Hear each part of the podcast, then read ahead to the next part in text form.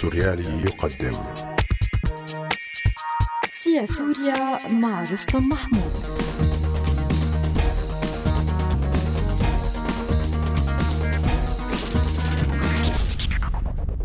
جزام كردي اسمه مليك مزان.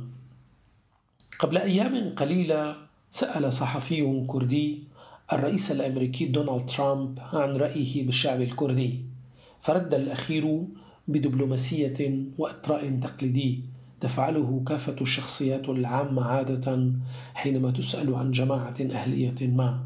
قائلا بأن الشعب الكردي شعب شجاع وأنهم قاتلوا إلى جانب القوات الأمريكية في معارك محاربة تنظيم داعش الإرهابي وأن الولايات المتحدة إنما سوف تواظب على دعمها لتطلعات هذا الشعب في منطقة الشرق الأوسط. أثار ذلك التعليق من الرئيس الأمريكي موجة ترحيب وبهجة منقطعة النظير من قبل فئات واسعة من الناشطين والفاعلين الكرد على شبكات التواصل الاجتماعي. كان ثمة إحساس واسع بأن كلمات الإطراء العادية والمبتسرة التي أطلقها الرئيس الأمريكي إنما فعل استثنائي بحق الجماعة الكردية فهي اعتبرت بمثابة اعتراف عالمي بتمايز الشعب الكردي بالشجاعة دون غيره من الشعوب بالذات شعوب المنطقة وأن الكرد نالوا عبر كلمات الرئيس الأمريكي ما كانوا يصبون إليه من اعتراف بالفضل والشراكة من قبل رئيس أقوى دولة في العالم. لهذا الهيجان الكردي تجاه أي اعتراف بوجودهم ودورهم تراث عميق في تاريخ هذه الجماعة.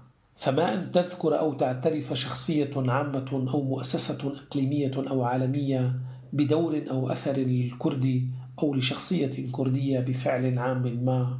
أيا كان مستوى ومصداقية وسياق ذلك التصريح حتى تسترخي أسارير الغالبية العظمى من هؤلاء الكرد إذ يستشعرون بمزيج من الامتنان والبهجة بهذه الشخصية أو المؤسسة مع كثير من الرضا والانتشاء تجاه ذات. تشكل العلاقة النفسية والرمزية للكرد مع من تعتبر نفسها ويعتبرها الكرد شاعرة أمازيغية هي مليكة مزان. تشكل نموذجا لتلك العلاقة القلقة التي يعيشها الكرد التي أشبه ما تكون مرضا عاما.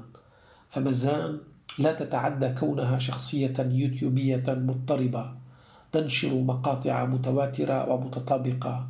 تعبر في كل منها عن حبها للكرد ودفاعها عن حقهم المشروع في بناء دولتهم وسلطتهم المستقلة. مثلهم مثل أبناء الجماعة الأمازيغية في مناطق شمال إفريقيا مع شيء كثير من خطاب الكراهية تجاه العرب الذين تعتبرهم مزان قوة احتلال للمناطق الأمازيغية والكردية. لا ينقص منشورات مزان كل أشكال الفاشية الاجتماعية والسياسية. فوق ذلك فإنها تكتنز قدرا كبيرا من سوء المعرفة بالأحوال والمسارات الثقافية والسياسية المحيطة بالمسألة الكردية في المنطقة. كذلك فإنها لا تضيف أي قيمة معرفية أو أخلاقية للمسألة الكردية. فما تقوله أشبه ما يكون بشعارات إطلاقية بحق الكرد وشتائم جوفاء تجاه من تعتبرهم جماعة معادية بكاملها للأمازيغ والكرد بشكل مشترك أي العرب مع الكثير من ظواهر سوء الاستقرار النفسي والاستعراض الجنسي أثناء نشرها لتلك الفيديوهات.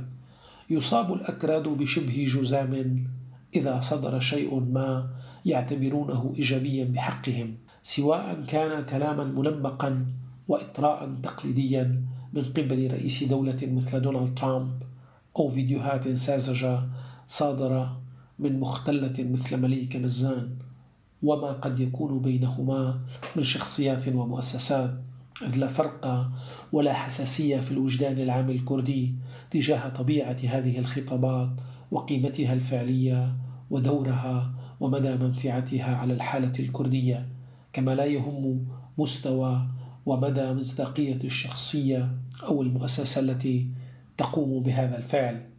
ثمة تراث هائل من النكران السياسي وعدم الاعتراف الاجتماعي والثقافي بالكرد.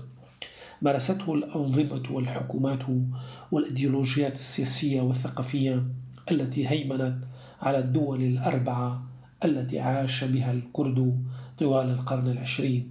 دفعتهم لأن يصابوا بمثل هذا الجزام. فأي شيء من الاعتراف أو التعبير عن التضامن مع الكرد وقضيتهم يترجم في الذات الجمعية الكردية على أنه سياق مضاد ومناهض لحالة النكران وعدم الاعتراف التي تطالهم منذ أكثر من قرن وحتى الآن. تظهر هذه البهجة والاحتفالية الكردية في حقيقتها العميقة ضعفا وهوانا واهتراء لهذه الجماعة ناتجا عن آلام وآثار النكران التي طالتهم لعشرات العقود.